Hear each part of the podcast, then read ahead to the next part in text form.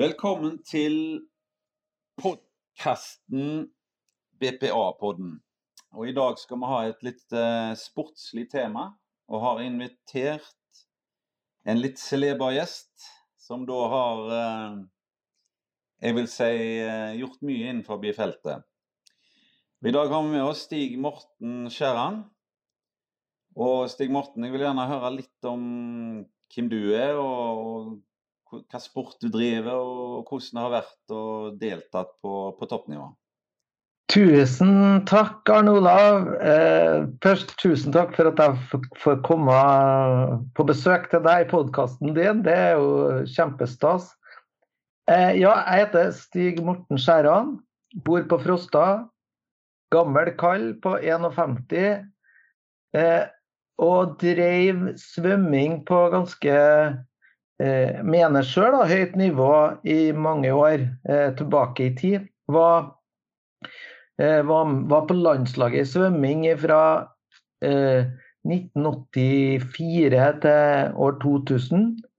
Jeg husker at jeg tenkte med meg sjøl i år 2000 at eh, nå er den yngste eh, det yngste medlemmet av landslaget ble, ble født det året jeg ble tatt opp i landslaget, så nå er det best å gi seg.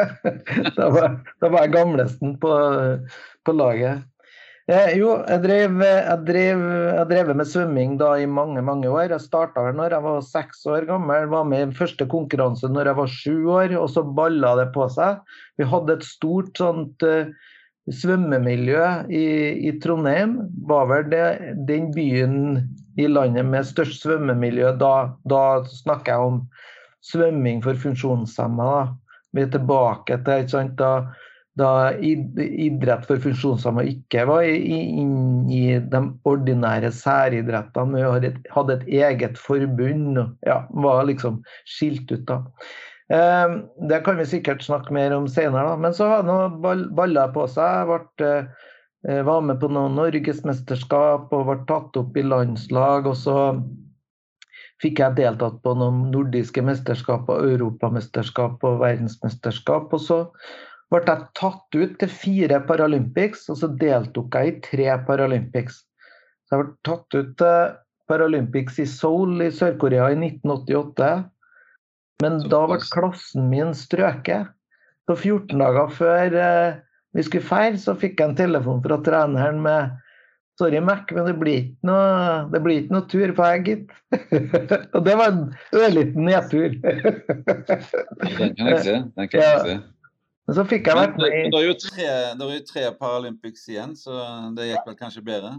Ja, jeg fikk deltatt i 92 i Barcelona, 96 i Atlanta og år 2000 da i Sydney.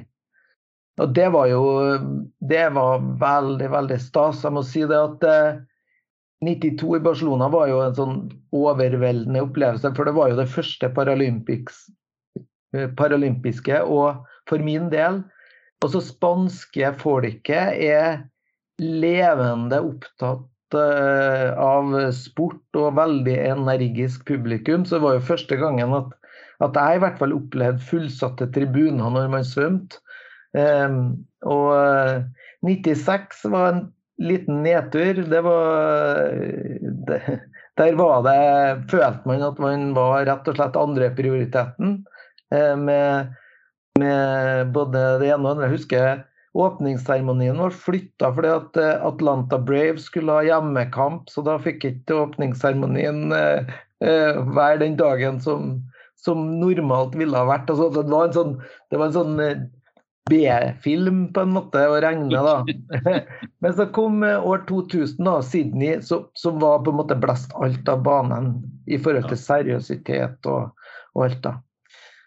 Medalje. Var det, var det den største opplevelsen, da? tenker du? Ja, ja på, på, mange vis så var Sydney den største opplevelsen med at man følte at man var tatt ordentlig på alvor. Og folk hadde faktisk betalt for å komme og se på. Det gjorde de ikke i 92 i Barcelona. Det var åpne dører.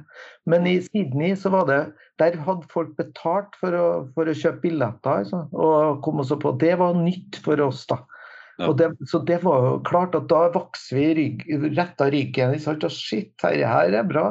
Og du opplevde at, opplevde at, at folket, publikum, anså som like seriøse toppidrettsutøvere som alle andre som hadde vært der før. Da.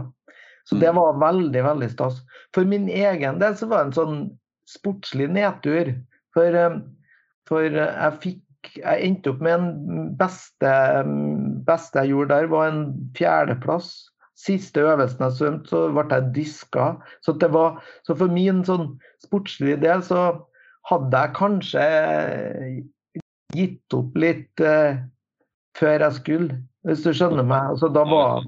Men i 96 så fikk jeg en eh, Jeg hadde litt rart, for jeg har aldri gjort mitt beste i Paralympics. Jeg har, jeg har på en måte persa og gjort mitt beste utafor det, VM og EM og sånn. Og så har liksom sikkert eh, psyken tatt hånd eh, i Barcelona og i Atlanta, men jeg endte opp med noen bronsemedaljer i Barcelona og likens i, i, i, Atlanta. Så det ble noe med noen medaljer, men jeg hadde jo håpa på bedre enn hva det var. Men akkurat nå så betyr ikke det så mye. Nei, det er vel opplevelsen å delta, tenker jeg, så er det stort. Det, ja, det er det. Og se at man faktisk Masse å lære ikke sant, i forhold til det.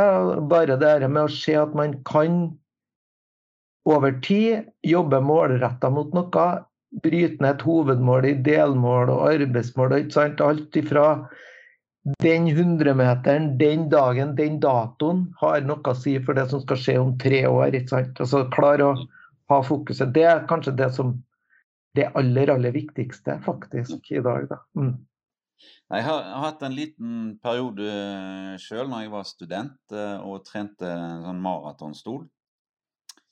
Eh, og Det jeg har lyst til å snakke litt nå er dette her med behov for assistanse i forhold til å utøve sporten sin. Det som jeg opplevde når jeg holdt på med dette maratonstoltreninga, det var jo det at du hele tida måtte tenke energiøkonomisering. For hvis du tok den helt ut og møtte veggen, så kom du deg ikke hjem igjen. altså.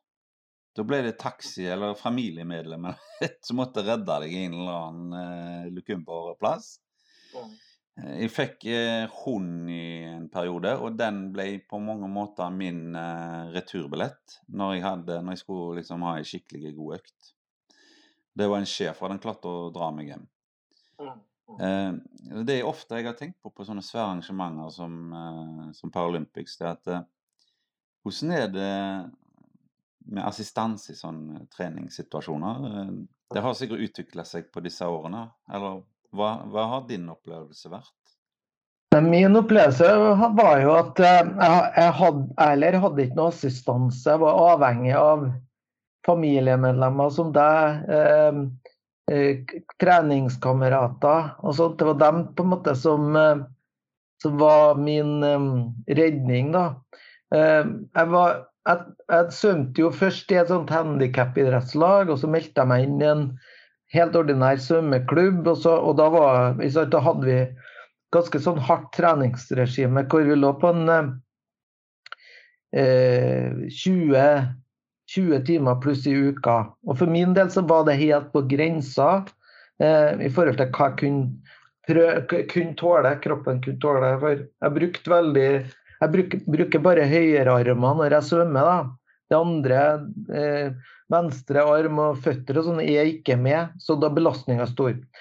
Og da eh, vet jeg jo at eh, eh, jeg kunne antageligvis ha tålt mer hvis at jeg hadde mer avlastning, hvis vi kan kalle det det. For det, livet besto jo ikke bare av å svømme om morgenen og om kvelden. Skulle jo, man skulle jo være på jobb, f.eks. Man skulle eh, vaske klær, man skulle komme seg til og fra trening, alt det der. Så den energiøkonomiseringa som man skulle hatt enda mer av, ble jo ikke. Og det la jo begrensninger på treningsmengde, treningskvalitet osv. Så, kan man jo si at eh, da når jeg holdt på Det er jo begynner å bli lenge siden. Jeg var sikkert ikke i går til deg heller, Arne Olav. Men eh, Eh, da var jo ikke Kontrasten var ikke så stor, for det var, det var, heller ingen andre som hadde BPA inn i treninga. Men hadde det vært i dag, så hadde jo kontrasten også blitt så stor. Så jeg tror det hadde spilt mer på, på psyken nå, kanskje. ikke sant? At man har blitt mer bevisste. da. Eh, men jeg er helt sikker på at eh, hadde jeg hatt assistanse da, som jeg har i dag, for i dag har jeg jo BPA, mm. så hadde jeg jo kunnet i hvert fall Det er ikke sikkert at resultatene hadde blitt noe bedre, for det vet jeg ikke, men jeg kunne ha trent bedre. Vært mer kvalitet på det jeg har gjort. Kunne ha fokusert mer på å slappe av når jeg skulle slappe av, og så trene kvalitativt godt når jeg skulle trene. Så jeg tror eh, Jeg tror eh, eller jeg er helt sikker på det. At, eh, at det hadde vært viktig for idretten min da. Mm. Jeg sjøl merker jo det at det er jo en del eh, i en treningssituasjon som gjerne Du skal inn i en maskin, eller du skal inn og ut av vann. Eh, litt sånn ugunstige, jeg vil si eh, løft eller forflytning, da, som gjør gjerne at eh, du får en belastning som du helst ikke skal ha, og kan på en måte gi deg en liten sånn mikroskade eh, og ødelegge økta di litt. da. Eh, og ikke minst dette med restituering etterpå. Så jeg tror det, i hvert fall sånt jeg har opplevd eh, det med å ha BPA med på trening, at det gir mer kvalitet på treningen. Hva tenker du om sånne ting? Absolutt, helt enig. At eh, for du får en del sånn uheldige belastninger som gir noen skader. Jeg har streva lenge med, med, eh, mye smerter bak i sånn småmuskulatur bak i skuldrene. Fordi at, eh, Og likeens foran, foran på skuldrene er eh, vriderne, sidevriderne. Som jeg, som jeg sliter veldig mye med nå, fordi at det har vært for, for hardt. Og da er det helt Og da er ikke svømminga som tok knekken på det, men det er flytt, forflytninga fra bassengkanten opp i rullestolen, eh, bruk av krykker i altfor stor grad og sånn. For det er enormt mye belastning inn i de ledd, utsatte leddene. Så, og der, eh, der det, det, er ingen tvil. Jeg husker jo at jeg hadde da når jeg, var i, var, jeg hadde en hendelse i Atlanta hvor eh, da, da, brukte jeg rullestol. Og så skulle jeg hive meg opp fra bassengkantene i stolen. Og da dro jeg jo fotene etter meg. Dette gikk jo bra. Men så fikk jeg et kutt i foten. Eh, og, og, da var det I Atlanta var vi i, på treningsleir i Albany. Og så og fuktig og varmt. Eh, dårlig blodsirkulasjon. Og det såret grodde jo ikke. ikke sant? Det, det, det, var jo der hele tida. Det ble dritt i det. ikke sant? Vi hadde jo med lege, vi hadde jo medisinsk personell, men fikk det ikke til å gro. Ikke for lenge etter jeg var kommet hjem.